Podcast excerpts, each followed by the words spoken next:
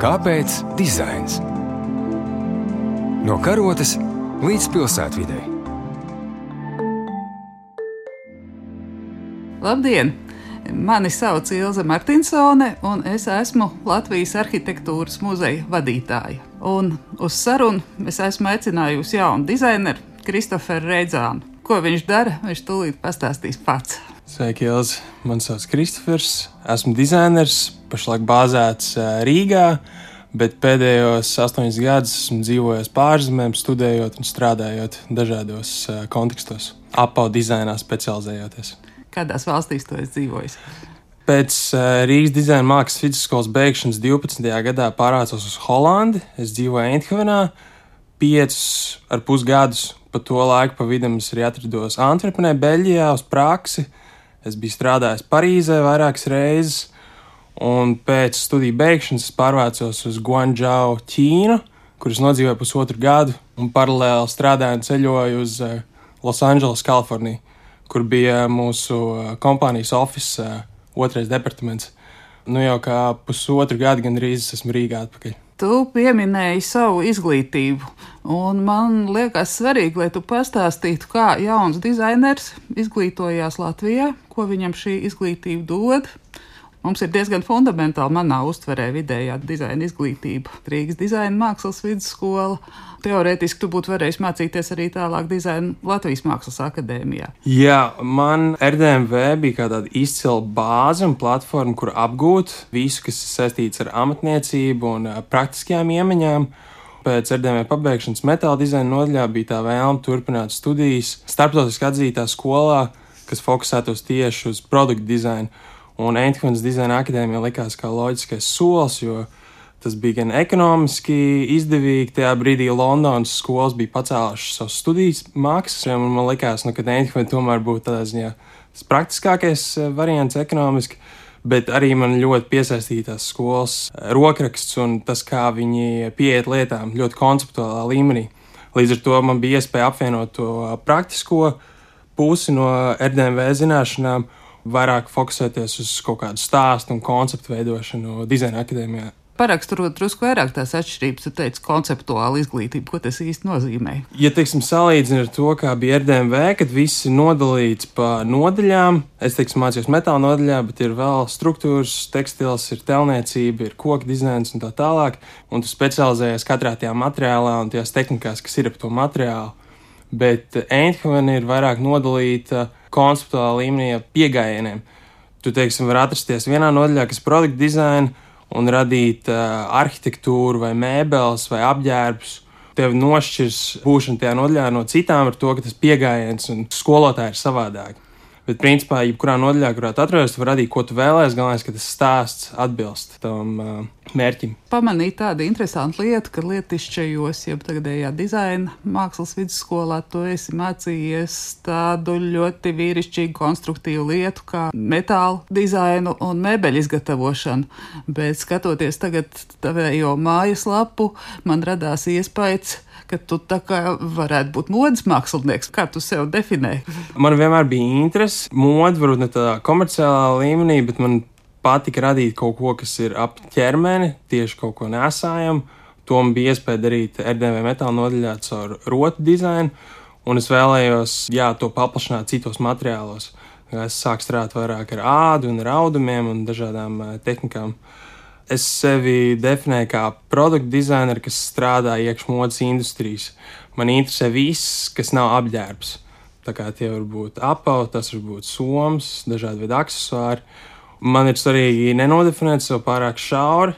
Apauga dizains ir diezgan konkrēta niša, bet uh, es strādāju dažādos veidos. Pašlaik šajā momentā strādāju ar uh, accessoriem, uh, sporta industrijā es vēlos arī apvienot tās zināšanas, kas man ir vairāk ieliekot viņas mākslas kontekstā. Un vēl drusku tomēr atgriežoties pie dizaina izglītības, kā mm. tu uzskati, vai Latvijas dizaina izglītībai ir potenciāls? Es saprotu, ka mūsu iekšējais tirgus ir ļoti maziņš. Dizaineriem darba varbūt nav pārāk daudz, nu, dizains ir plašs jēdziens un katrs var atrast sev to nišu, bet tomēr šeit tā situācija ir ierobežota. Es pieņemu, ka dizaina izglītībai var būt arī starptautisks tālāks potenciāls, kā tavā gadījumā. Varbūt, ka mēs varam pārdot tieši izglītību starptautiski. Mm, mēs par šo tēmu pirms divām nedēļām satikāmies ar Jāni Brantu, kurš ir RDMV radošais direktors. Un viņš man izklāstīja nākotnes plānus par dizaina izglītību tieši ar DMV. Man liekas ļoti interesanti, ka nākamais solis ir tas, ka viņi vēlas to izglītību modernizēt un, teiksim, attālināties tīri no materiāla specializēšanās, bet vairāk uz to produktu dizainu. Man ļoti interesē redzēt, kā tas viss notiksies, jo, cik esmu dzirdējis no cilvēkiem, tā ideja šķiet ļoti attraktīva ir kur strādāt. Kā dizaineram, pēc manas pieredzes pēdējā vairāk kā gada laikā, ko esmu bijis Latvijā, ir grūti varbūt pārliecināt cilvēkus, ka tas, ko dari, ir kaut kas, par ko vajadzētu maksāt. Līdz ar to nākas strādāt dažādos citos virzienos arī. Es, piemēram, arī darbojos ar reklāmas aģentūrām un palīdz viņiem ar stylingu, kas ir vairāk apģērba virzienā. Paralēli, jā, radīt kaut ko vairāk uz ārzemēm, tas ir tas, ko es tēmētu, bet atrodoties Latvijā, man liekas, ka tas ir izcils veids, kā strādāt. Nav daudz piemēru tajā tieši produktu dizainā vai apģērba vai mēbeļu dizainā, bet man liekas, tas ir tas, ko daudz cilvēku arī tiecās. Ka būtu iespēja palikt šeit, tie resursi visi un amatnieki šeit ir izcili un, uh, un ir daudz izcili cilvēku, ar kuriem sadarboties. Bet, uh, lai dabūtu to internacionālo skatu, Rīga ir tāda nomaļa vieta, jāskatās tomēr uz tiem rietumiem un, un jāceļo un jādara lietas uh, ārpus Latvijas. Noteikti izglītības sistēmai ir liels potenciāls. Jānis Brāns ir interesēts izmaiņās. Man liekas, tas ir liels pluss. Es pats mākslas akadēmijā neesmu mācījies, bet cik esmu dzirdējis, tur ir ļoti grūti veikt kaut kādas lielas izmaiņas tajā sistēmā. Un eh, tas varbūt tas, kas attur daudz cilvēku no tās izglītības šeit. Bet es varu tikai spriest pēc tā, ko esmu dzirdējis. Es pats neesmu bijis daļa no tās sistēmas, tā kā tikai pēc stāstiem. Bet noteikti ir uh, izmaiņas, ir uh, jāveic. Un, uh, nu, to var darīt, ja ir eh, ieinteresēti cilvēki un tiek piesaistīti jauni cilvēki izglītības sistēmā, manuprāt. Jā, es tev pievienojos droši vien, ka šķēršļi varētu būt pat varbūt birokrātiski. Ir radoši, griboši cilvēki, bet ir birokrātiskais aparāts, kas pretojās. Un varbūt mēs ar savu balsi varam kaut ko darīt, lai arī šajā ierēdniecības un birokrātijas sistēmā arī ir gaiši cilvēki, un lai viņi šo situāciju novērtē un saprot, ka tam pārmaiņām ir jānāk. Jo tas bremzē ne tikai mūsu kaut kādas jomas attīstību, ne tikai izglītības sistēmas attīstību, bet tas jau bremzē valsts progresu būtībā. Kāpēc dizains? Mēs jau sākām runāt par to, kā tu sev definē. Mani ieinteresēja tas, ka tu strādā it kā konkrētā lietā, jā, pārsvarā tā kā sporta apavu veidošanā, bet paralēli tam tev ir ļoti daudz, manuprāt, tādu tīru mākslas projektu. Man sevišķi uzrunāja tas tavs iedvesmas avots un stāsts par tavu mammu, kur ir tāda ekstrēmista, kas paņem mugursomu un dodas ceļojumā, nezinot, kādas būs ceļojuma beigas, un vai būs jums virs galvas, un ņemt līdzi visu iedzīvi. Tas tev ir iedvesmojis uz tādiem mākslas projektiem, bet man liekas, arī tev tas pasaules redzējums, acīm redzot. Es nezinu, vai tu esi avantūrists, bet uh, zināms raksturs ir vajadzīgs, lai tā izsistos pasaulē un strādātu Ķīnā un Amerikā. Šis konkrētais ir uh, Fashion Clash projekts. Tas bija modes festivāls Maastrichtē, Holandē. Un viņiem bija atsevišķa kategorija, kur viņi pieaicināja ne modes dizainerus, lai radītu modi. Tāds bija tas konteksts. Un, uh, uh, viņi man uzlūdza, lai es uztaisītu vienu konkrētu tērpu, priekšskats. Un tiešām tas stāsts bija par manu māmu, jo tajā brīdī tas bija kaut kas ļoti aktuāls man, un es vēlējos radīt kaut ko personīgu. Un, Tāpēc it kā gala produkts, kas ir mugursoma, tajā skatē ir īstenībā vairāk kā tāds skulptūrāls objekts, ko tu vari uzvilkt, kuram īstenībā pat nav funkcijas. Man noteikti patīk šādi tipi projekti. Es arī beidzot Eindhovenas dizaina akadēmiju radīju divus diplomu darbus, no kuriem viens bija apavi, kuriem strādāja ar dažādiem materiāliem, lai radītu zoles dažādas. Un otrs projekts bija uh, interjera objekti, kurus tu vari nesāt kā apģērbs. Uh, projekts saucās Vice Versa. Un tas, man liekas, arī bija tāds starp produktu dizainu, mēbeļu dizainu, uh, modu un varbūt mākslu. Man ļoti patīk strādāt šādā veidā. Man nepatīk domāt tīri par praktiskiem apģērbiem, bet vairāk par to stāstiem. Es pašlaik strādāju pie pieteikuma, lai attīstītu šo konkrēto projektu pieteikumu galerijai. Cerams, ka no tā kaut kas varētu attīstīties arī tālāk. Tad, kad tu pabeidzi Eidhovens akadēmiju, kā tu saņēmi uzaicinājumu vispār tālāk pasaulē nokļūt? Es īstenībā pavadīju vairāk kā pusgadu gatavojoties. Uh, ir liela izstāde pēc uh, Eindhovenas dizaina skolas pabeigšanas, Dutch Design Week, Hollandas dizaina nedēļas ietveros.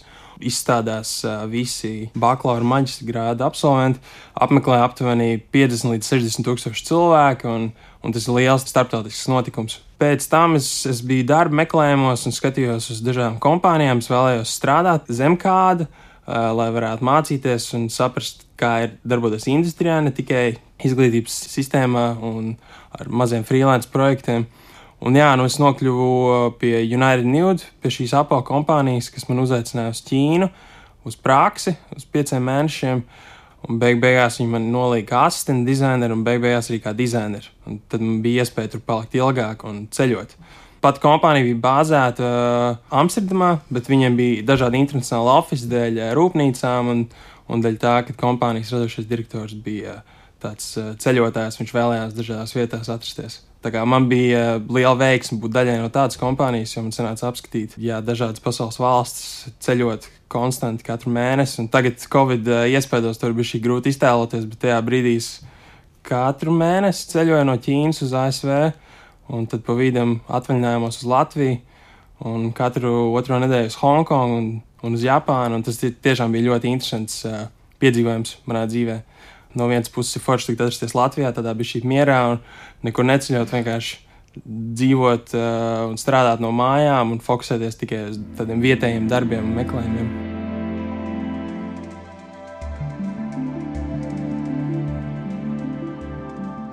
Tā kā es interesējos par dizaina vēsturi, tad par apavu vēsturi Latvijā. Padomu laiku man pat negribās pieminēt, jo tad darbojās apavu fabrika rekords un vai pirmais maijs, ka tikai es nejaucu jau, tie apavi bija tādi, ka viņus vispār valkāt nebija iespējams. Es pat atceros, ka mums kā studentiem Mavriks Fulsons akadēmijā teica, ka, lai nu jauns cilvēks varbūt vēl var paiet, bet vecs cilvēks ar šādu apavu vispār paiet nevar. Veiksmīgākā pagātnes ar apavu ražošanu Latvijā saistās ar 30. gadiem, kāda apavu karalis bija Rudolfs Eglītis, bet cik es pētīju to lietu, katrā pilsētā bija neskaitāmas apavu ražotnes. Tas bija ārkārtīgi izplatīts. Šodien mums ir grūti iedomāties, Latvijā ir, es nezinu, Elīna Dobela, varbūt ir tādā redzamākā statusā, varbūt vēl daži. Bet eh, jautājums man īstenībā ir tāds, ko šodien nozīmē mājas apstākļos ražot apavus no vienas puses ar rokām gatavots apaus, tas ir kaut kas ekskluzīvs. Bet man tas drusciņi mulsina, jo pasaulē tehnoloģijas ir gājušas uz priekšu, un tas jautājums man bija tāds, cik liels ir dizainera darbs un cik ir citu speciālistu darbs šodien apavu izveidošanā, kur piedalās, es pieņemu, mediķi, ergonomijas speciālisti, tehnologi, lai tā kurpe būtu ne tikai stila paraugs, bet arī tiešām ērta, jo, kā zināms, mēs uz kājām pavadām lielāko dzīves daļu, un kāja ir tas mūsu balsts. Ja apģērbis tiešām ticu, ka var ar šo mašīnu uzšūt, un tas uz auguma sēdēs mājās izgatavots, tad kā ir ar apavu? Cik ir tavs procents kā dizaineram tajā visā? esmu kā dizainers, es neesmu amatnieks, bet man liekas, ka tas apau amatnieks un tas, kas viņus izgatavo, ir pašā centrā visam. Tehnoloģijas attīstās un daudzas kompānijas strādā pie dažādiem, teiksim, komerciāliem produktiem, kas var būt 3D printēti, radīti ar kaut kādām modernām tehnoloģijām, bet tas veids, kā esmu strādājis, ir balstīts uz tradicionālajām metodēm. Piemēram, tagad mēs ar uh, Sabīnu Skaruli, viņa ir savs uh, modes zīmols Mēs ar viņu sadarbojāmies, lai radītu divus apavu pārus priekš viņas kolekcijas. Un mēs strādājām ap kā dizaineri, mēs domājām tos produktus, un tad mums tālākais solis bija doties pie šiem amatniekiem Latvijā. Un ir konkrēts uh, rūpnīcas Rīgā, kur viņas var izgatavot. Šajos Covid laikos ir diezgan sarežģīti kaut ko realizēt. Ja es, piemēram, salīdzinu ar strādāšanu Ķīnā, kur vienas dienas laikā tev jau bija gatavs apavu pāris. Es teiksim, varētu uzzīmēt skīts, iedot amatniekiem viss ir skaidrs, viņi izstrādā piegrieznes, uzliek uz liestas un ir gatavs. Tad šeit tas process ir mazliet sarežģītāks, jo kaut vai dabūt specifiskos materiālus vai diegus, kas mums ir nepieciešami. Mums ir jāiet un jāpiesakās uz vizītēm veikalos un jāgaida ārā, ja mūs vispār pielaiž, iet un apskatīties, kas ir pieejams un tikt pie amatniekiem. uh, ir bijis vieglāk, bet, teiksim, arī bija gadījums, ka vienā no rūpnīcām bija kontaktpersona ar covid saslimušo, un tas viss process tikai ievilcināts un, un nesanāca iekļauties mūsu termiņos. Pēc manas pieredzes, protams, tas fiziskais aspekts ir ļoti svarīgs un svarīgi domāt par jauniem materiāliem un par jaunām tehnikām. To nevar izdarīt, ja tu strādā tikai pie datora. Tev vajag to fizisko pieskārienu, tev vajag pie tās šūmašīnas pašam arī apsēsties un uztaisīt kaut kādus prototipus, kas varbūt nav funkcionāli, bet kas tev raisa tās domas. Kāpēc dizains? No karotes līdz pilsētvidē. Cik es zinu, mēbeļu dizainā, nu kaut vai ķeblītis. No tā brīža, kad dizainers sāk tehnisko zīmējumu, pēc tam prototipu līdz gatavajam produktam, aiziet divi gadi. Tas ir normāls mēbeles laiks, ko cilvēkam parastajam vispār ir grūti iedomāties, kāpēc tas tā ir. Cik tas ir apavam? Tu jau tikko teici, ka Ķīnā ir uztaisījis prototipu, ja būs taisījis jau reāli pārdodamu. Paraugu, paraugu. paraugu. Jā, tas ir pēc manas pieredzes bija līdz divu dienu trīs dienu laikā viņi varēja izgatavot, jo mums bija tā privilēģija, ka mums oficiālā, kurā es strādāju, bija tie paši amatnieki. Un mēs varējām uzzīmēt un viņiem iedot, un viņi principā viņus uzreiz arī izgatavoja. Bet, lai pēc tam to rūpnīcās izgatavotu, tas ir atkal cits stāsts, jo tad ir atkal viņu amatnieki, kas ir ar savādāku pieejamību, līdz tiec pie tās gala formas, tomēr paiet tie vairāk mēneši. Un tu, kā modes industrijā strādājot, tu jau strādā pusotru gadu uz priekšu, kā, kamēr tas prototyps tiek gatavots. Paralēli tiek arī strādāts pie mārketinga un kā, komunicēts ar tiem, kas viņu izplatīs. Pēc tam process ir starp gadu un pusotru gadu, līdz tas produkts nonāk plauktā. Tas process ir laikietilpīgs. Protams, nav tik laikietilpīgs kā arhitektūrā, kur tas prasa centos gadus, varbūt pat 5 vai 10. Šis ir daudz ātrāks salīdzinājumā ar to. Tu redz to produktu veikalā, un tas šķiet, kā, nu, kas tas tur tāds ir, bet tomēr tas, tas, tas laiks ir diezgan. Uh, daudz jāiegulda. Jo ir vēl visi, es nezinu, kā latviešu pateikt, fitting, nu, piemērīšana, principā, kur tu strādā pie tā, lai tas apels arī būtu ergonomisks, praktisks un nesājams, un lai viņš uh, tur nespiestu uh, purngalā vai papēdī pēc dažiem metriem. Tā kā jā, tas viss prasa uh, gan laiku, Bet tad, kad tu esi uztaisījis prototipu, to savu piedāvājumu, vai notiek arī kaut kāda komisija, kaut kāda pieņemšana? Es vienkārši to atceros no savas bērnības. Manā mamma bija modes dizainere, kas strādāja padomju uzņēmumā, un tad bija šādas komisijas, un, un bija vajadzīgi modeļi, un man kā maz bērni ņēma līdzi, un tad es tādas pufēciņas un, un cepurītes tur tai komisijai priekšā defilēju, un tai komisijā sēdēja ne tikai kompetenti cilvēki, bet arī ierēģi, kas tur izteica mākslinieckās idejas, ka to bļembuku, ja tās jaciņas pie krūtīm vajadzētu arī uz cepurītes, kas bija galīgi garām, un tad tie profesionāļi tur mēģināja nokušināt un to produktu palaist tādā normālākā skatā pasaulē. Vai kaut kas līdzīgs, kaut kāda komisija, kas izvērtē, kā tas notiek? Jā, nu, strādājot United News, Ķīnā, bija tā, ka radošiem direktoram bija gala teikšana, ka viņš izvēlējās, vai tas produkts atbilst tam, ko kompānija pārstāv vai nē bet arī liela nozīme bija izplatītāja viedoklim. Teiksim, kompānija, kurā strādāja, pārdeva arī Japānā, un Japānā ir liels atzars šai kompānijai. Viņiem ir ļoti daudz veikalu Tokijā un Osakā un vēl neskur. Un tad šo visu veikalu vadītājs nāca ar mums uz tikšanām, vai tas bija Losandželosā vai Ķīnā, un viņš izteica to, kas viņa tirgum svarīgs. Un, ka Japānā meitenēm patīk tur platformas, vai viņām patīk, ka tā aizmugure ir tomēr vaļā, un, un kad vajag uh, izvairīties no velcro, jo tas saplēš viņa zeķa bikses. Un, teiksim, tik konkrētas lietas, ko mēs nevarētu izdomāt nekad. Viņš to dzird pat taisno no klientiem, no saviem uh, pārdevējiem. Tāpēc viņa viedoklis konkrēti bija ļoti, ļoti svarīgs, kā arī citu izplatītāju viedokļi, kas atradās Spānijā vai citās valstīs.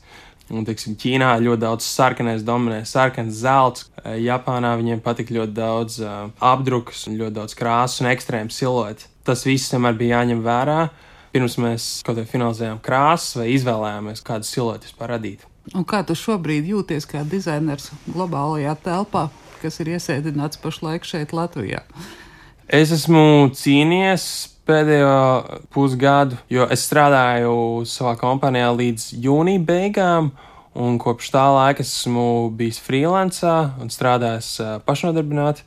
Man ir bijušas iespējas vēl sastrādāties ar šo pašu kompāniju internacionālā līmenī. Esot no Rīgas, bet vispār ir grūti, jo pašlaik tirgus ir apklusis, nu, teiksim, nav bijusi tā pirktspēja. Cilvēks sēž mājās, viņiem nav šie produkti vajadzīgi. Tas viss ir iebremzēts diezgan pamatīgi. Bet es jūtu, ka tagad bija šī sāk raisīties atkal vaļā. Kopš vakcīnas parādīšanās ir atkal kaut kāda pārliecība par nākotni atgriezusies. Tagad tas strādāja ar vienu internacionālu kompāniju, bet par to es neko daudz nevaru stāstīt. Līdz ko kaut kas būs varbūt fizisks, tad, tad varēšu. Un cerams, ka no šejienes varēs to turpināt darīt. Un kad es apsvērtu iespēju atgriezties un strādāt no ārzemēm, bet man jau patīk tā romantiskā ideja, ka to var darīt no šejienes uz ārpasauli. Tev nav kāda doma šeit dibināt kādu vietējo zīmolu, jo tam pašlaik nav potenciāla. Man liekas, ka tirgus ir diezgan piesātināts, un, ja tev ir kaut kāda izcila inovācija padomā, tad to ir vērts darīt. Dibināt savu uzņēmumu, vēlētos 5 līdz 10 gadu laikā, jo es vēlos vēl pieredzi industrijā. Pašlaik arī bijām sadarbojušies ar uh, Sabīnu Skaroli, uh, diviem sieviešu apgājējiem, bet mums ir vēl viena sadarbība padomā. Tas varētu būt kaut kas interesants, bet to vai tas ir kā zīmols, es uh, neteiktu. Tas drīzāk kā tāds sadarbības projekts. Noteikti būtu interesanti kaut ko izveidot, kas ir Latvijā uh, varbūt dizainēts un varbūt ne konkrēti šeit ražots, bet kaut kas, kas priekš ārzemju tirgus, tas būtu tāds uh, sapnis. Kad cilvēki ārpusē zinātu, ka šis ir uh, dizainēts Latvijā, dizainē Latvijā, kāds varētu tā pateikt. Tas, man liekas, ir tāds jā, romantisks sapnis arī. Jā, droši vien, tas romantiskais sapnis varētu būt mums visiem, nest savu identitāti kaut kādā veidā pasaulē. Ar to arī teikšu tev paldies! Saruna bija ar dizaineru Kristoferu Reidzānu un sarunu vadīja Ilze Martinsone, arhitektūras muzeja vadītāja.